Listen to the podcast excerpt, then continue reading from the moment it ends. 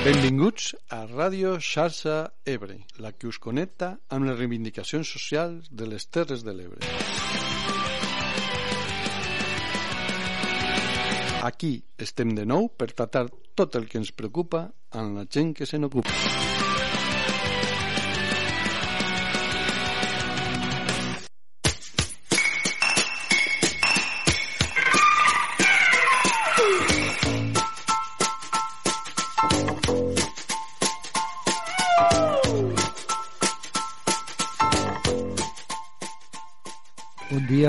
Bona hora, bona gent.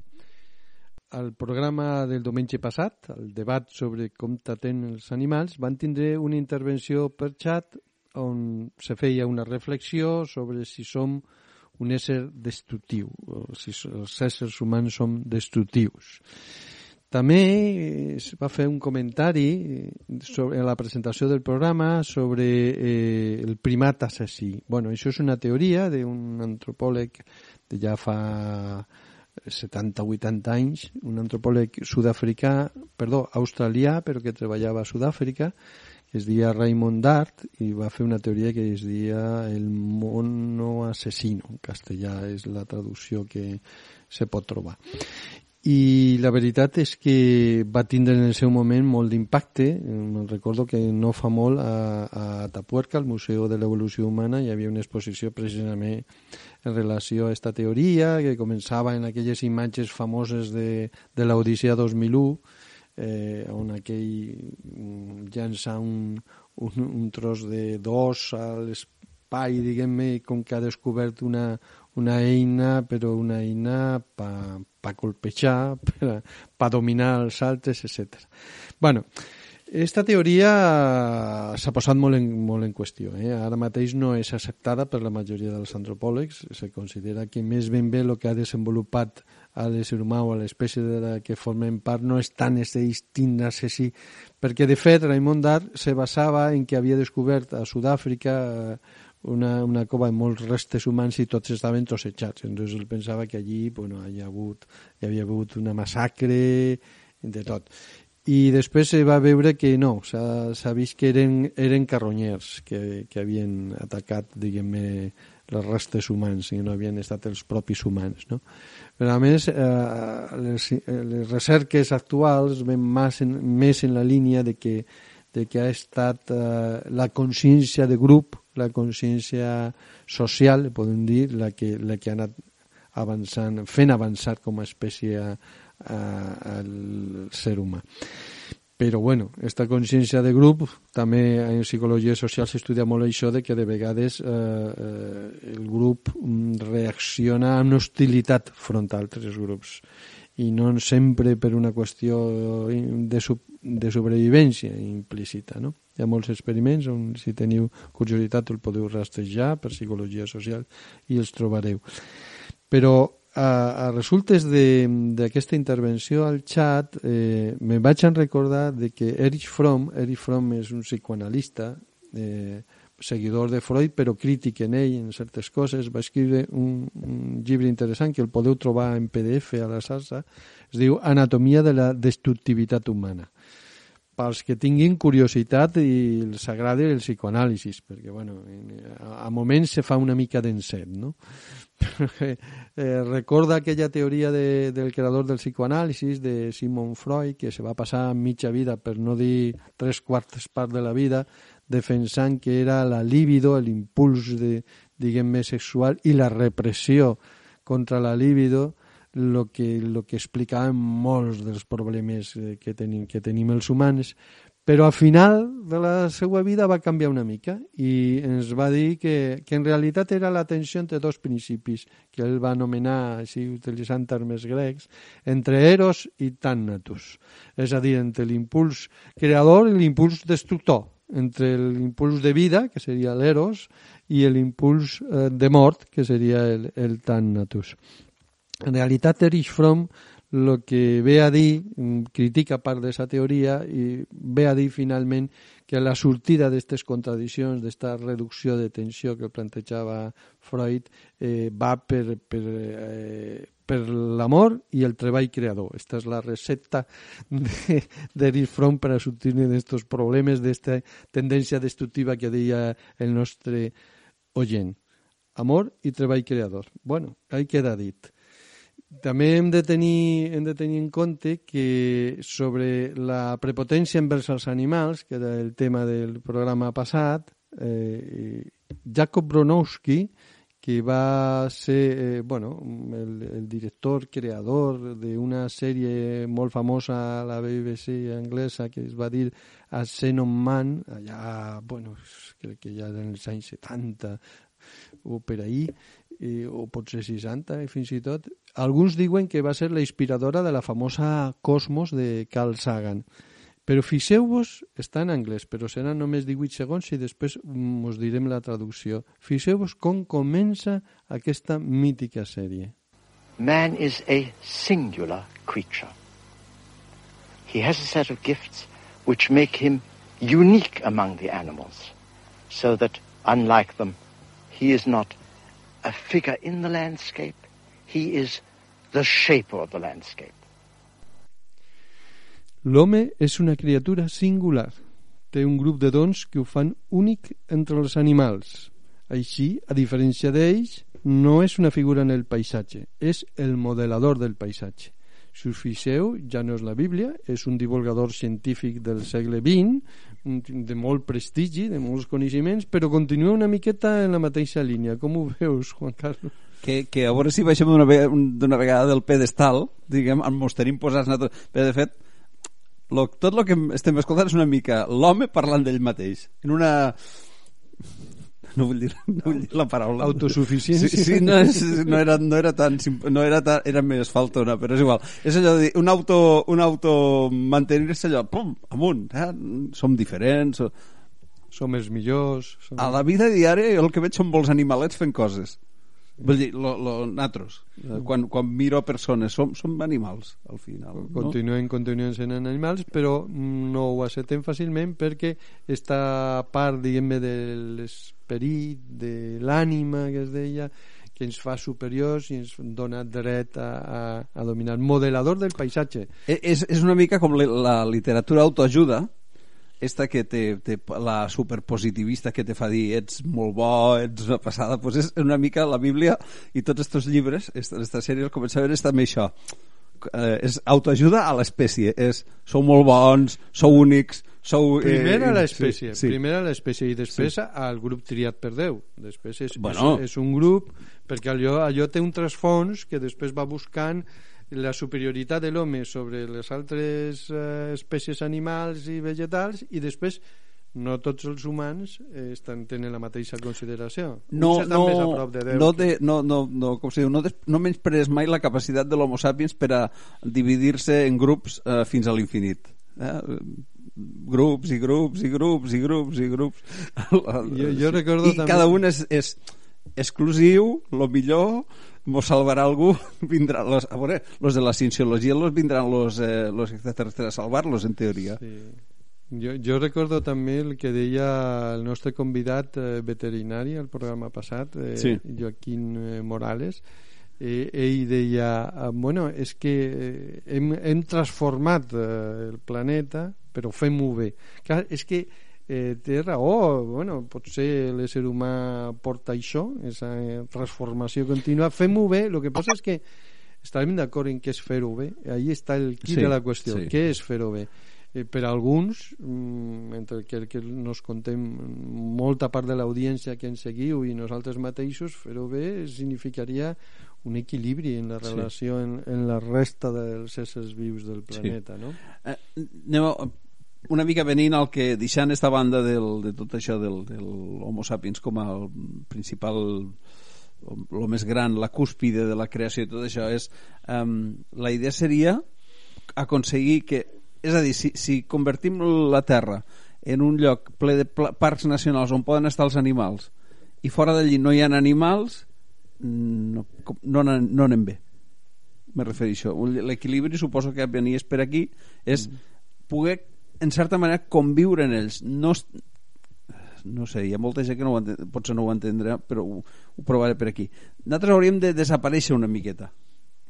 Perquè este, esta capacitat o suposada capa, eh, bona capacitat que tenim de poder viure a, a, a qualsevol lloc fa que en arribem ho liquidem tot.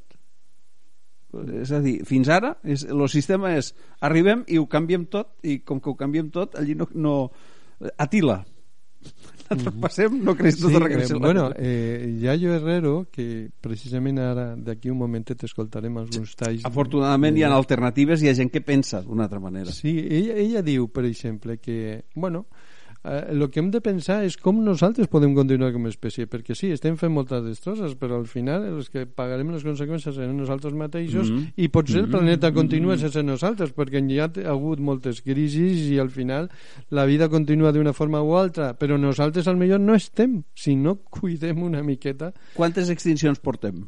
Uf, La Cretàssica, la dels dinosaures que va ser el, el, una, una altra incontable. Sí, I esta podia ser la antropocènica o sigui, sí. la feta per el mateix ser humà i se n'aniria ell en la balastra mm. i per cert, eh, parlant de Yayo Herrero perquè Yayo Herrero és una representant impulsora i carismàtica enginyera, professora, antropòloga eh, d'una corrent que es diu ecofeminisme, que ens ve bé perquè relaciona precisament els últims debats que hem tingut, el, el relatiu al feminisme i el relatiu als animals.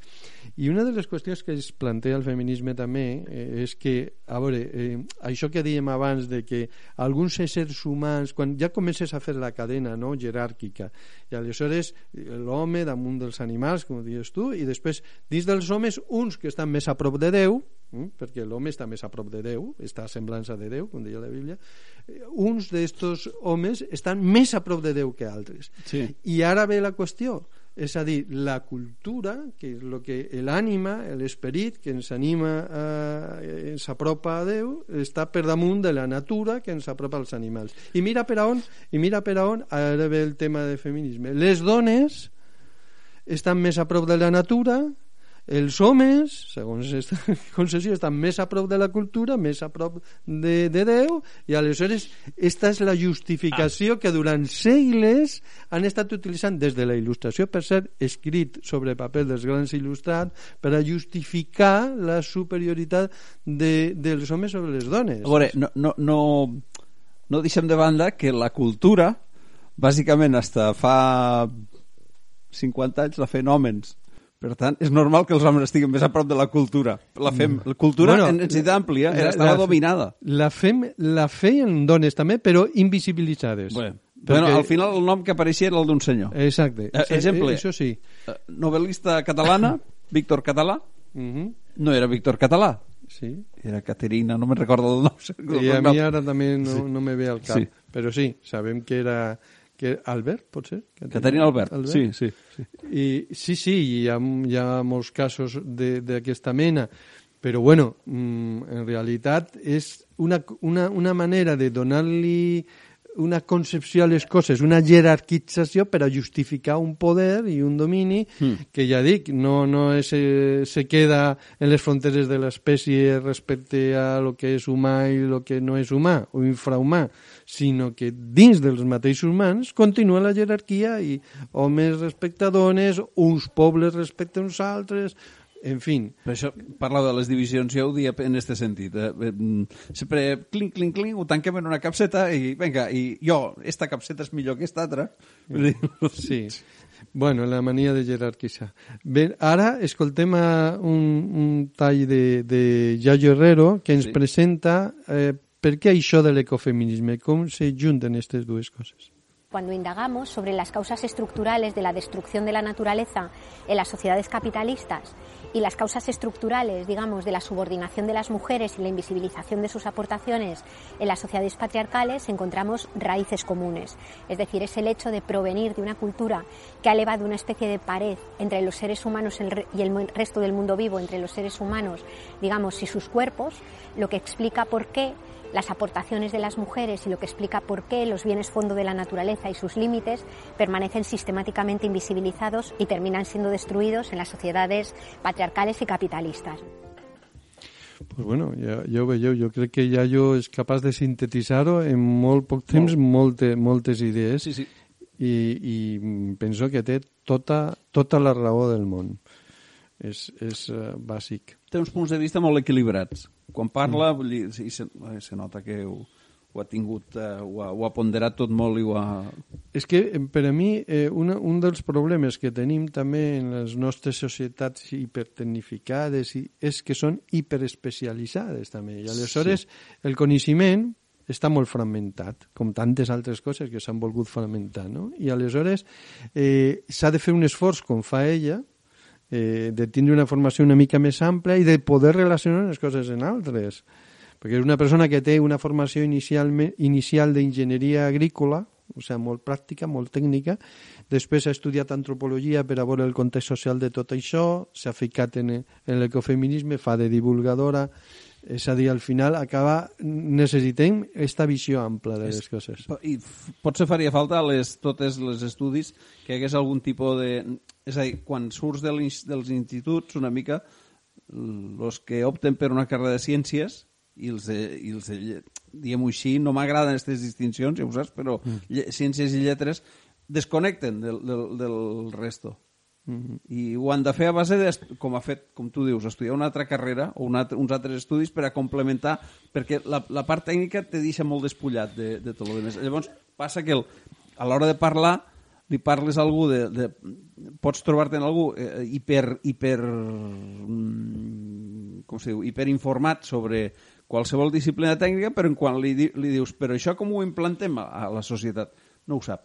Ve, ve molt bé aquesta reflexió que de cara al, al proper debat que serà sobre ciència, perquè sí. precisament, bueno, tu parlaves de ciències i lletres, jo tampoc sóc gaire partidari d'aquests termes, però també és veritat que el, eh, diguem-ne la part més quantitativa, o sigui, el, el quantificar les coses, l'intent de control a base del càlcul, que és part de, de, de l'esforç que fa l'ésser humà per, per controlar el medi que, que li rodea, que l'involta i de vegades a si mateix i... mm. però això n'ha d'estar complementat per altres coses que són d'un altre tipus, que són més interpretatives, sí. que són com, com ve de, de, les, de les llengües, això que es dia les lletres, no, no, sinó de les lletres, són més sutils, són més relacionals, més, més que... Perquè, clar, quan tu quantifiques, n'has de tenir clara, has de tenir clara quina és la unitat, no? És a dir, tu comptes set, són set iguals, set unitats iguals. Però què passa quan aquests set en realitat són diferents i a més el que importa no és tant la quantitat sinó les relacions que existeixen entre elles que s'han d'interpretar com dins d'una frase eh, no és el mateix una paraula si la poses en un puesto que si la poses en un altre sí. això requereix un altre tipus de pensament més qualitatiu i els dos són complementaris en general manca eh, que, els bons, que els bons tècnics, que saben molt, sàpiguen explicar-se. Mm -hmm. sàpiguen eh, lo que, està, és lo que tu saps, al final és això és quan tens una idea que et sembla bona bé, la manera de provar la prova és explicar-li als altres i que els altres te puguen rebatir-la o, o validar-la per això hi ha molts, molts bons científics que no són bons divulgadors -huh. perquè treballen molt dins de la seva línia però a l'hora de fer-se entendre n'has de donar un salt n'has de fer n'has de ser capaç de ficar-te en, el, en la ment de l'altre que no treballa en les teves mateixes categories. Seduir.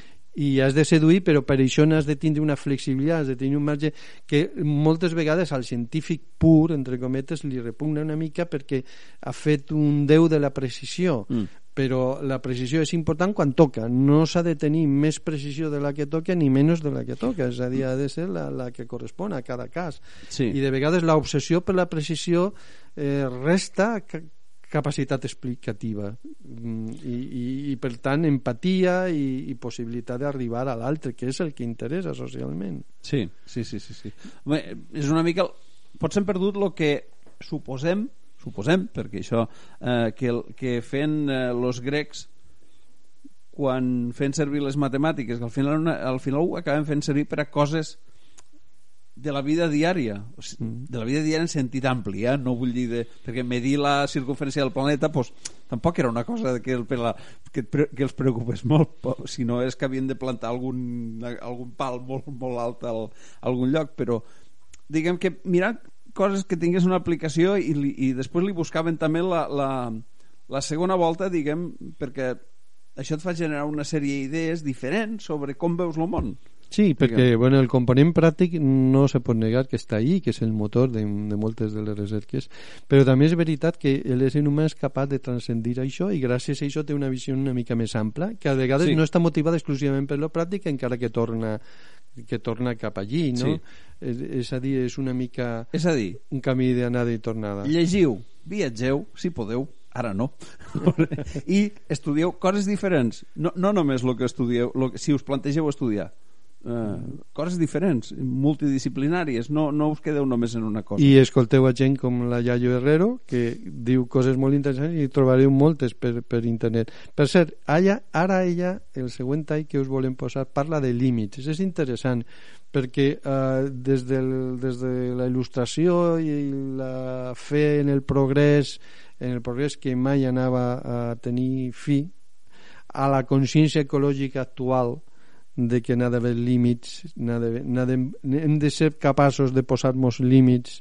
N'hi ha, ha un camí que encara no s'ha acabat de recórrer del tot. Veiem el que ens diu Yayo. Yo creo que claramente a nuestra cultura le cuesta mucho eh, autocomprenderse como un ser limitado. Somos probablemente una de las culturas que viven más de espaldas a la diversidad funcional, a la enfermedad o a la muerte, donde nuestros cuerpos eh, son considerados o tienden a ser considerados como mercancías que tienen, estar, tienen que estar siempre nuevas y flamantes, ¿no? Eh, y desde luego eh, la mirada del planeta Tierra como un lugar con límites físicos no está para nada instalada. Incluso cuando de repente se empieza a hablar más de cambio climático, incluso cuando de repente se habla más de problemas ambientales, se habla con la perspectiva de que va a haber una tecnología que lo resuelva, que nos va a permitir seguir viviendo como vivimos y seguir creciendo, pero esta vez de una forma verde.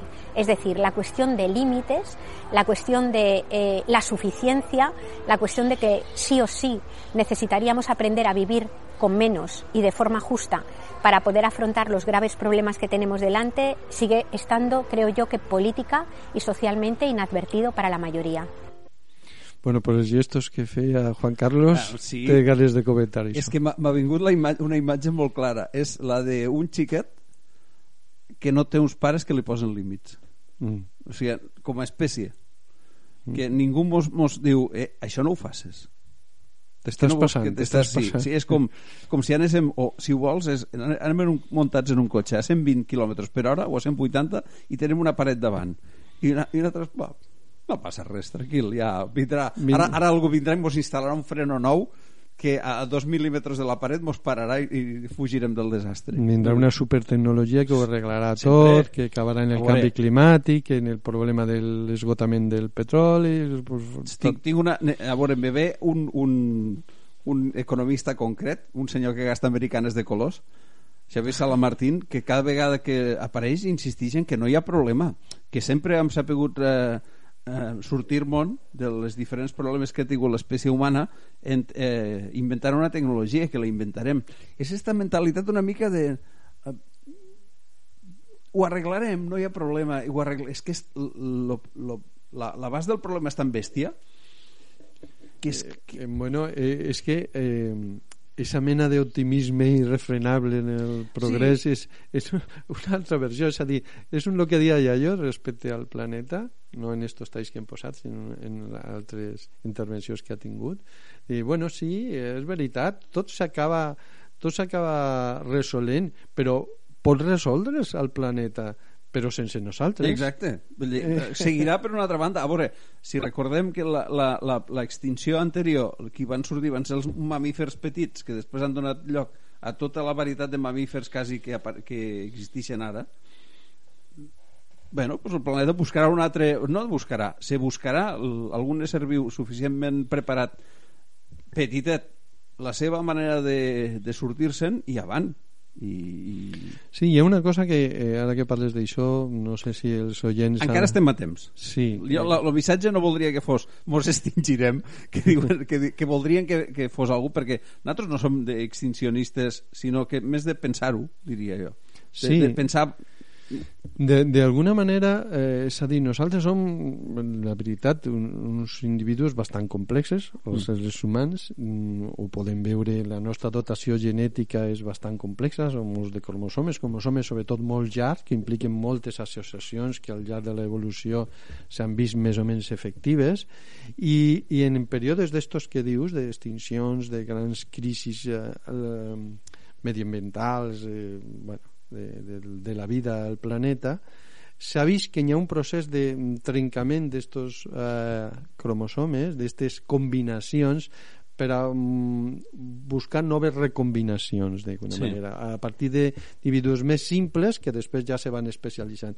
Si la nostra especialització que eh, està lligada al desenvolupament del cervell no és capaç no és capaç de posar-s'hi fre a si mateixa en determinades coses, límits, com deia Iaio, pues aleshores probablement acabarem desapareixent mm, i, mm. i este experiment de la vida que ha estat l'ésser humà pues donarà pas a altres experiments l'aposta per a nosaltres com a individus de l'espècie humana és intentar que no sigui fracassat el nostre intent o almenys que no fracasse tan aviat és sí. dir, que no done fracàs potser no sigui la paraula correcta perquè, eh, perquè la, la, la natura no, no va així d'èxits i fracassos Això bueno, la natura... terme molt, molt economicista no? molt... Sí. però d'alguna manera que la, la, la conservació de l'espècie humana pues, dependrà també del que sigui ella capaç d'autocontrolar com a individu i com a grup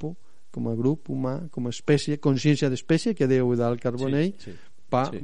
evitar certes coses que estan posant davant dels nostres ulls la, la necessitat de, de canviar. Uh mhm. -huh. L'altre dia, eh, escoltant un programa de ràdio a la tarda, eh, programa fa una mica de, de fa bastant d'humor pel mig però és versió rac del, eh, eh, un dels, un dels les persones dia que imita una persona gran, es diu el senyor Marcelí, no és una persona gran, és igual. Eh, la qüestió és que... Fa dia, de persona sí, la, la conclusió que, o la comentari que va fer com a persona molt gran es diu, estem vius de milagre. Mm -hmm. I això me porta una mica a pensar en lo que un dels missatges que dia a Cosmos, Carl Sagan, que una de, a un dels capítols del que parlava era de fragilitat de la vida, de, de que no som conscients del fràgil que és la vida, de que estem vius per perquè hi ha una capa d'aire a un planeta concret que, que ha possibilitat que estiguéssim aquí i punt. Si, si tot això ho, ho, ho mos dediquem a destrossar-ho sistemàticament Mira, una altra intervenció que es va fer al xat del debat passat de Marc concretament deia que la qualitat d'una societat tenia a veure com tratava a, a, al seu, als animals, per exemple, no? i ho posàvem en relació amb el que havia dit Àngels respecte a que eh, una societat està, entre cometes, més avançada quan tracta millor als seus individus més fràgils. Sí. Però és que aquesta consciència de la fragilitat que dius tu, hem de tenir en compte que nosaltres som hereu d'una espècie que anava a desaparèixer per la seva fragilitat sí, biològica sí, sí. I, i de la seva fragilitat va va agafar fortalesa precisament per la possibilitat de desenvolupar eines de relació que com a grup li donaven força al complementar les ments d'uns i d'altres. Aleshores, de la fragilitat pot sortir força, per tant, s'ha de cuidar la fragilitat, mm. perquè això no es pot resoldre la papereta també al conjunt i no esta prepotència com la que gastem quan utilitzàvem el que dèiem al programa passat quan ens relacionem els animals Mm, sempre eh, sentint-nos superiors i fins i tot una persona de la qualitat divulgadora de Jacob Bronowski per sort Carl Sagan no mm. ho va fer d'esta manera ja va tindre una altra mena de consciència pues ja ho hem vist al principi del programa que, que continuen aquesta idea de la superioritat humana que hem de revisar som una aposta. Ara, si, si voleu, us volíem posar l'últim l'últim tall, bueno, dic si voleu, és un, és un eufemisme perquè no esteu aquí per a dir-nos-lo, però bueno, us posarem l'últim tall que tenim preparat de, de Yayo, de Yayo Herrero, perquè precisament és una demostració de com aquesta persona és capaç de lligar unes coses en altres i això ens permet una perspectiva més ampla. En, en este tall d'un minut i pico sentireu, la sentireu parlar d'immigrants, de precarietat, de cures i relacionar-ho tot. Escoltem-lo i després ho comentem, val la pena. Y en una cultura que no es una cultura del reparto, que no es una cultura de la redistribución, lo que sucede es que cada vez sectores privilegiados más pequeños pueden seguir sosteniendo estilos de vida completamente obscenos, mientras que sectores mayoritarios van quedando expulsados a los márgenes del sistema o a los márgenes de la propia vida, ¿no? generando bolsas de precariedad. Si miramos, por ejemplo, de dónde vienen las personas migrantes que quieren, quedan detenidas en las vallas que les impiden entrar, nos damos cuenta que, que, vienen de los mismos lugares que las materias primas que sostienen nuestros metabolismos económicos. Luego, si nosotros y nosotras vivimos como si hubiera tres planetas, es obvio que en otros lugares otra gente es desposeída de lo mínimo que necesita para vivir y es, por tanto, arrojada a la precariedad o a una vida no digna, ¿no? Igualmente, cuando la economía ya no puede crecer como crecía durante los 30 gloriosos, generando puestos de trabajo y crece por la vía de la especulación, también dentro de los propios territorios privilegiados empezamos a ver cómo crece el número de personas asalariadas que son pobres o cómo crece el número de personas que no encuentran un empleo, siendo el empleo lo único que te permite satisfacer las necesidades vitales y cómo es dentro de los hogares donde se encierra la atención a toda esa precariedad. Es decir, cuando hay recortes sociales, es dentro de las casas donde se acoge a las familias desahuciadas, donde se atiende a las personas que no tienen empleo, donde se atiende a los niños y niñas que se han quedado sin becas de comedor. Y dentro de las casas lo que nos encontramos es una redistribución de los trabajos que tiene un sesgo claramente de género. Es decir, son mayoritariamente mujeres dentro de los hogares a quienes les toca actuar como amortiguador o como colchón de los peores efectos de la crisis. Com a amortiguador, certament. Este, la paraula jo crec que reflexa molt bé molt bé, i a més és una... En fi, ja, ja esteu veient que això de l'ecofeminisme realment dona per molt. És capaç de llegar moltes coses i realment les dones a casa fan... Jo això ho he vist a diferents països, en diferents situacions, com eh, quan les, les coses venen mal dades, que es diu, mal donades, doncs, bueno, són moltes vegades les dones les que, les que han de dins de casa intentar uh, tirar endavant la família. Bueno, és que el, a les crisis que hem tingut els darrers anys eh, una de les coses que repeteixen sociòlegs i, i tota la gent que, est, que estudia inclús els que fan estadística és que la família uh, actua una mica d'esmorteïdor de, dels problemes Sí, però dins de la família sí, moltes vegades sí, són les dones sí, les sí, sí. No, això n'ocupen... encara ara indubtable jo crec que, el, que bàsicament el que està dient ja he rato el rato per si no ho diré per si no algú encara no se n'ha donat que hi ha gent que no, no se'n vol adonar jo diria que és, que és que cal un canvi ara ja no s'hi val allò del camp qui puga i que si no, si no comencem a fer un canvi conscient i una mica adonant-nos de com estem al món sí. petarem sí, lo, los, los eh, que viuen d'una manera eh, que tenen una quantitat de recursos a la seu abast quan parlo de recursos parlo de diners bàsicament i la capacitat per a tindre'n més eh, poden viure d'una manera mm, descaradament brutal.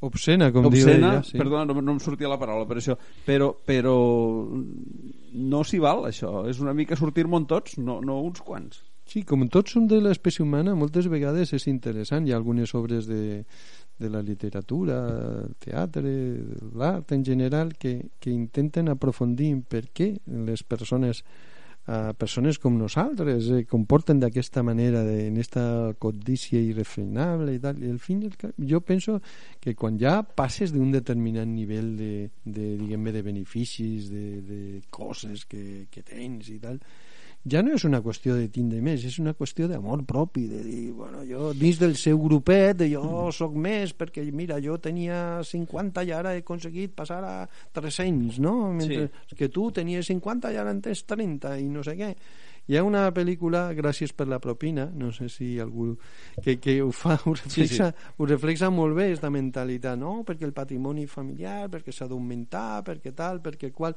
Eh, modestament, eh? Perquè esto no eren gent, mm. eren gent de l'alta la, de la societat. Però una mica aquesta mentalitat, aquesta mentalitat no només la tenen la gent que té molts diners, aquesta mentalitat s'escampa cap a baix i hi ha gent que, que dedica molts esforços a, acumular, diguem-ne, i, i ja no és per el plaer que puguin treure d'aquesta acumulació, és de vegades una qüestió d'amor propi mal entès, pot ser, Eh, és socialment induït, també. és possible que la capa, la, la, la, la, que dic classe mitja, el que fa al final és, el que fem, diguem és eh, sostenir els, els que estan dalt. És a dir, perquè la, la, propietat, la propietat eh, sobretot els interessants, ells que en tenen moltes. Mm. Però de passo hi ha tota una classe mitja sostenint això. Dient, nosaltres també mos agrada tindre propietats. I una mica entre tots fem-lo... el- Montem el caos. Ja, és que el, el terme classe mitja és molt, eh, com te diria... No, no, no cal classe mitja. No, no, tota però- la societat en si. És, és complicat, perquè per una banda, si tu, si podem entendre que són les persones que estan a un nivell intermedi, és a dir, que es guanyen més o menys bé la vida, poden, poden tirar sense patir tant com patissin els 6.000 milions d'éssers humans sí, que, que tot el dia han d'estar no preocupats. La major part del planeta no és classe mitja. No, no, no, per No. això dic que de los 7.000 i pico, pues 6.000 milions eh, han d'estar tots els dies s'alcen en la preocupació econòmica de, de Què la situació material, sí, que menjar la família i tal. Però bueno, d'estos 1.000 milions que, que més o menys tampoc poden desentendre-se del tot, però que van fent, això que es diu van fent, clar, això des d'un punt de vista econòmic es pot entendre, però després està el punt de vista, diguem-ne, més cultural, de mentalitat. Mm. Entonces, hi ha gent que en realitat eh, eh, forma part d'aquest grup mm, mitjà, per dir-ho així, però té mentalitat com, que voldria ser com els de dalt, no? voldria acumular el màxim possible. També hi ha gent que forma part de, de, dels 6.000 milions que estan pitjor, que també està en esta, en esta dinàmica. No? O sigui, no és tant només formar part d'un grup econòmicament d'un determinat nivell de renda Mm. per viure en un país, per ser una determinada... En fi, eh, vale, sinó a més perquè tenen una certa mentalitat de la que se n'aprofiten els que tenen dels que tenen més perquè, perquè són tècnics al seu servei perquè fan funcionar els engranatges per a que, per a que els altres imiten intenten arribar. Això és la jerarquització que dèiem abans que una vegada que, que culturalment se agafa esta idea de la, de la jerarquització pues, de manera natural, entre cometes l'ordre natural, s'accepta que uns estan dalt, altres estan al mig, altres baix i que ho ha de fer el possible per anar pujant escalons, esglaons. I, i, i així, d'esta manera, pues, s'accepta una situació que, mirada en una, en una certa distància, una certa neutralitat, és òbviament injusta i que s'hauria de canviar entre tot mm, per a, per a no malbaratar i despilfarrar com es despilfarra, per no carregar-se el planeta, per no portar tantíssimes energies perdudes per gent que només ha de preocupar-se de com de com sobreviure quan podien aportar moltíssimes més coses Sí. que guanyaríem tots Més quan sabem que, que es pot sol solventar aquest problema. És a dir, i, i cada dia, no sé qui, ho, no, no recordo qui, però ho va expressar d'una manera eh, molt... Cada dia la gent, o una part del planeta, se- se'n va a dormir decidint que no solucionarà els problemes que han. Els problemes com ara la fam al món. Mm. On anem a dormir, tranquil, una part del planeta on anem a dormir pensant una part en, en extensió. Està clar que aquí hem de pressionar són els de sempre, els que estan decidixen i firmen les lleis però decidim que no ho arreglarem de moment. I anem tirant. I així el problema de la fam, el problema de les energies el problema d'altres coses que ens porta una mica cap a la paret. Eh, jo crec que hem de ser conscients que tal mena d'egoisme és suïcida sí. i de vegades pensem que no, que salves el qui pugui i ja està, i no, i no, no és així la cosa, però bueno, aquí Sí. No, no, no, no, no, no, no mos amb... Jo no, que, la, que ningú m'entenga malament. Això són les idees i els que anem remenant. Nosaltres volem ser optimistes, optimistes ben informats o pessimistes, no, no era això. I, i, i el, diguem, pensar que hi ha oportunitats encara de, de, d'encarrilar-ho. pues, de, de, és un esforç cultural important per canviar les coses. Bé, eh, potser com ho veieu com ho heu vist eh, el programa del debat passat s'ha inspirat per a, per a moltes coses però bueno, va ser en el moment d'anar mm, passant a altres, altres temes. Però abans posem una música d'escape de, que es diu Animales de Laboratorio que crec que pega molt el que estem parlant i després tornem per parlar d'altres coses Al principio de los tiempos, la relación hombre-animal se basó en la supervivencia. El hombre, al desarrollar su inteligencia, llegó a convertirse en la bestia más cruel que pisa la tierra.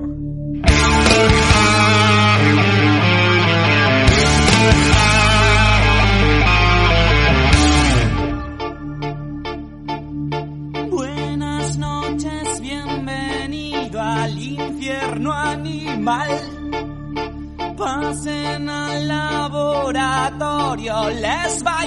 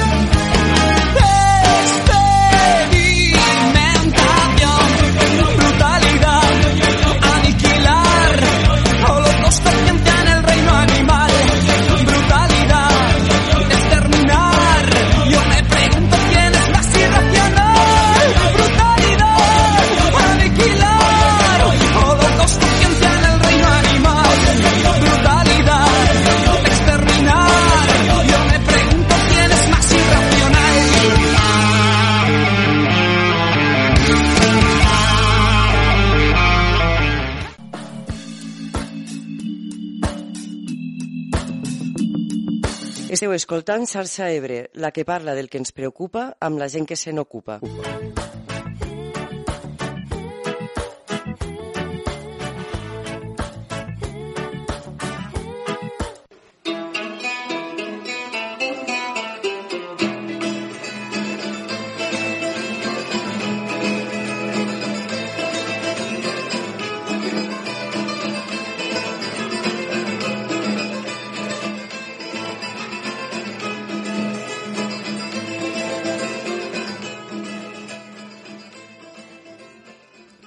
Dient de parlar d'altres temes, mm, temes eh, més del dia a dia, la veritat és que costa, costa no referir-se, ja ho hem fet alguna vegada, eh, al tema de les vacunes, perquè la veritat és que hi ha moltíssim, moltíssim a comentar sobre això. No volem donar massa temps o espai perquè això hi ha molts mitjans de comunicació que, que ho tracten potser fins i tot en algun moment estem saturats però algun comentari sí que volíem fer en concret volíem que eh, escoltéssiu aquesta intervenció de Manon Aubry una diputada francesa només posarem 25 segons parlar en francès perquè escolteu la seva veu després eh, farem la, la traducció i crec que dona per, per comentar. Això ho va dir al Parlament Europeu fa uns dies. Je ne vais pas y aller par euh, quatre chemins, Madame van der Leyen. J'ai une question essentielle pour vous aujourd'hui. Comment la Commission européenne a-t-elle pu accepter de se coucher ainsi face aux laboratoires pharmaceutiques Dans la gestion de la stratégie vaccinale, j'ai le sentiment, Madame van der Leyen, que les dirigeants des Big Pharma ont fait la loi à votre place. Aniré directe al gra, senyora von der Leyen, que és la presidenta de la Comissió Europea, ja sabeu. Tinc una pregunta essencial que fer-li. Com la Comissió Europea ha pogut acceptar genollar-se davant les farmacèutiques? Pel que té a veure en l'estratègia vacunal, tinc el convenciment de que els dirigents d'aquestes, la Big Pharma, han fet la llei en joc vostre. I, bueno, diu moltes més coses, va dir moltes més coses, però jo crec que l'essencial està aquí. És a dir, suplantant els poders públics, al Parlament Europeu, a la Comissió Europea, que és qui havia de posar en marxa, al final, dels 14.000 milions d'euros que es diuen que ha costat la inversió per portar endavant eh, les vacunes, 8.000 han estat directament públics, donats eh, i ja està, sense cap retorn. I malgrat això, no hi ha cap poder d'influència real eh, per, a, per a controlar que la distribució sigui com, com, com ha de ser. A banda de les discrepàncies, a banda dels favoritismes de certs mm. països i, i de la prepotència d'altres, etc. A banda és que qui acaba manant, mm, de veritat, són els laboratoris farmacèutics que s'alimenten dels recursos públics i després ho fan privat i no gosen lliberar les patents per Ah, a que els estats ho puguen fer, diguem-ne, sense cap cost i per a que països empobrits puguin posar la vacuna eh, al servei de la seva població i tinguin aquesta consciència d'espècie de que que a vegades és més evident que de, o sortim tots o això no s'aca- no s'acabarà aturant. Sembla mentida, per lo que parlàvem abans de, de lo sec que podem arribar a estar com, Sí. com a espècie i això és, és un cas fragant que està, que està passant ara mateix. Hmm. Bé, és que si, si ho planteges... Una, una cosa és com ens han venut tot el tracte este. La part, que jo crec que aquí també han fallat la part política.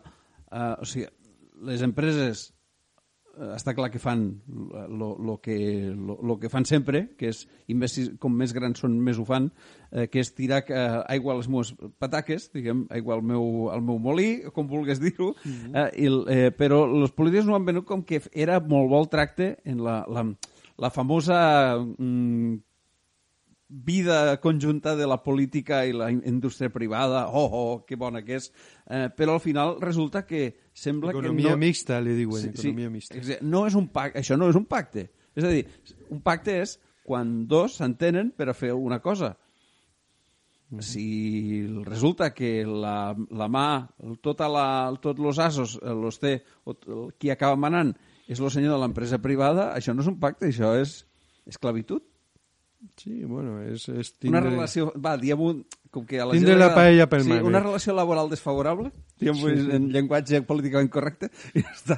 Sí, sí, sí, sí, és que una cosa tan important com la salut mm, no es pot deixar a l'especulació. Ja jo parlava també de, bueno, això de com el sector productiu ha passat a l'especulació i, i com... Bueno, jo crec que l'especulació, en certa manera, és connatural a l'espècie i no és negativa de per si.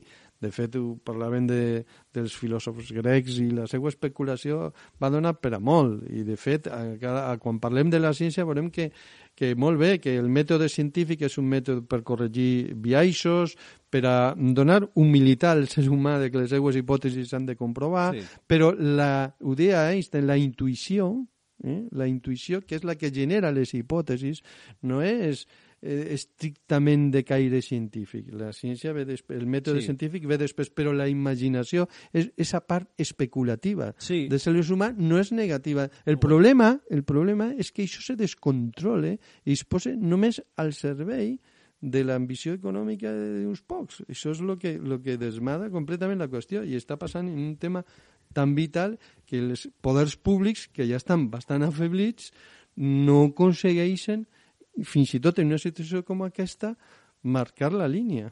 I que certa gent que està en aquestes empreses no tingui cap problema en decidir això i, de, i a la nit anar-se'n a, a casa tan tranquil. És a dir, mos donaran els diners, aconseguirem els diners. No produïm prou vacunes perquè el problema és que no n'hi ha prou, senzillament, perquè si, tot ha de passar pel seu embut. Mm. Eh, Imagineu, per exemple, és, hi ha un exemple molt fàcil, que la vostra connexió a internet eh, no fos gratuïta. No, fos, no me refereixo a la connexió ADSL, o, o la, sinó el, l'ús del protocol el protocol. TCP. Què passaria si cada vegada que haguéssiu de connectar o quan haguéssiu de pagar una brutalitat de diners només per tindre dret a fer servir un component que no tindríem els ordenadors de la manera que ho tenim. No tindríem internet. I internet és una cosa mm, que és molt útil, però diguem, no té la importància de la salut, de la nostra salut i d'una vacuna que pot solventar la vida a molta gent, especialment als països més pobres. Els països amb menys recursos, que si han de pagar els drets sobre esta vacuna, doncs potser no la podran produir al seu país i l'hauran d'importar a un preu que moltes vegades, perquè no, també recordar una cosa, hi ha països que per, per X qüestions, no sé exactament quines, tenen uns arancels molt forts a les importacions. Suposo que els suprimiran ara, perquè hi ha gent que per a rebre certes, certs, eh, certs productes al, a països com Uruguai paga unes taxes de duana brutals. Brutals. Però és que la, la història de, de, de, de les patents farmacèutiques és, és la veritat, va, diré una paraula, però és que crec que és criminal. Eh? És, a dir, és a dir, com per exemple països com la Índia eh, van intentar posar en marxa eh, medicaments contra Mm. el SIDA, per exemple, eh, i, i a Sud-àfrica, i, i resulta que les companyies els demandaven, Sí. Mm, els demandaven per utilitzar Els- això a un els, preu... Els genèrics. Sí, sí, sí, sense- a, a un preu que, que a ells no els interessava perquè ja n'hi havien ganat, mil- guanyat milions, milers de milions volien guanyar més i la gent morint-se, és a dir, ja han demostrat eh, un, un- bueno, eh, esta actitud, però que ara que a més a més, a més a més, si no se soluciona la cosa en estos països, tampoc se soluciona en els nostres, ja és, perdoneu la franquesa, burrera, burrera en Mm. grau eh, màxim, ja és egoisme i és burrera, és tot junt, eh, a, a, a dosis elevades. No? Sí, o, o deixar simplement les, les patents a un preu assequible per a estos països i que ho puguen fabricar, que l'ideal seria que ho deixessin lliure. És que al Gratuït. final, si la, si la investigació en aquestes coses eh, no es pot fer en línies decidides públicament, en control públic, eh, eh, acabaran passant això una i altra vegada. Estos monstruos, que això tu dies, esta gent se va a dormir tranquil·lament. Bueno, eh, alguns se arropen mm, sota el paraigua de la obediència de vida. Jo estic treballant, Sí. jo me guanyo la vida, no sé què, el responsable és l'amo de l'empresa. I l'amo de l'empresa dirà, oh, els responsables no els poders públics, perquè jo, com a amo de l'empresa, el que he de fer és multiplicar pels meus accionistes els seus beneficis, i és el que faig, i per això em paguen. I aleshores els poders públics diran bueno, és que la gent, és que la gent no, no recolzaria perquè, clar, si jo ara apreto les farmacèutiques, estes diran que es perden molts, mm, molts medicaments, molts llocs de treball, no sé què, i no hi ha alternativa, i total, a mi m'interessa la cosa d'aquí quatre anys, que si no, no me triaran a les properes Sí. eleccions, i, i, i, i així anem. Per això, de, quan van fer el programa de democràcia, també ho parlaven.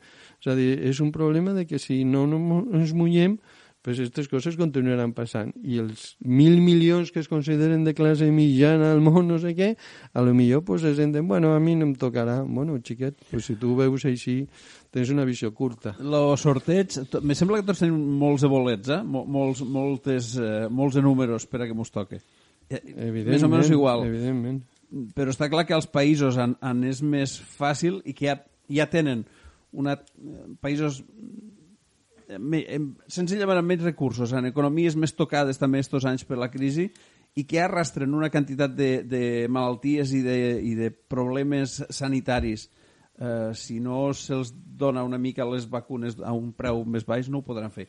I a més, no sé, que les puguen fabricar a, a, per a tothom, senzillament, no sé. Pues doncs en això hem arribat... Necessitem, necessitem perdona Vicent, és l'última, necessitem més imaginació. Imaginació Més i, idees. i, idees. i, i compromís, i compromís Sí. per, a, per a que aquestes coses realment siguin per al benefici de tots. I en això, oients, hem arribat al final del programa.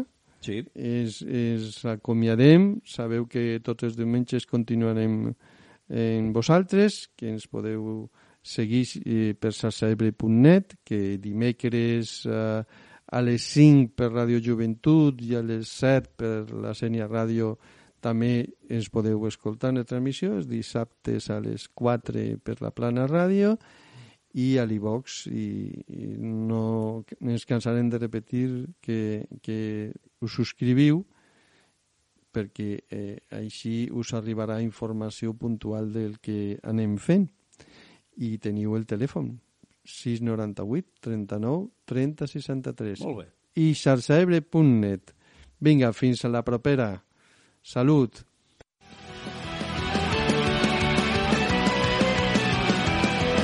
T'esperem a la propera emissió de Xarxa Ebre. Ens trobaràs al WordPress, al Gmail, Facebook, Twitter i a l'Ivox. Sempre amb aquesta etiqueta, Xarxa Ebre.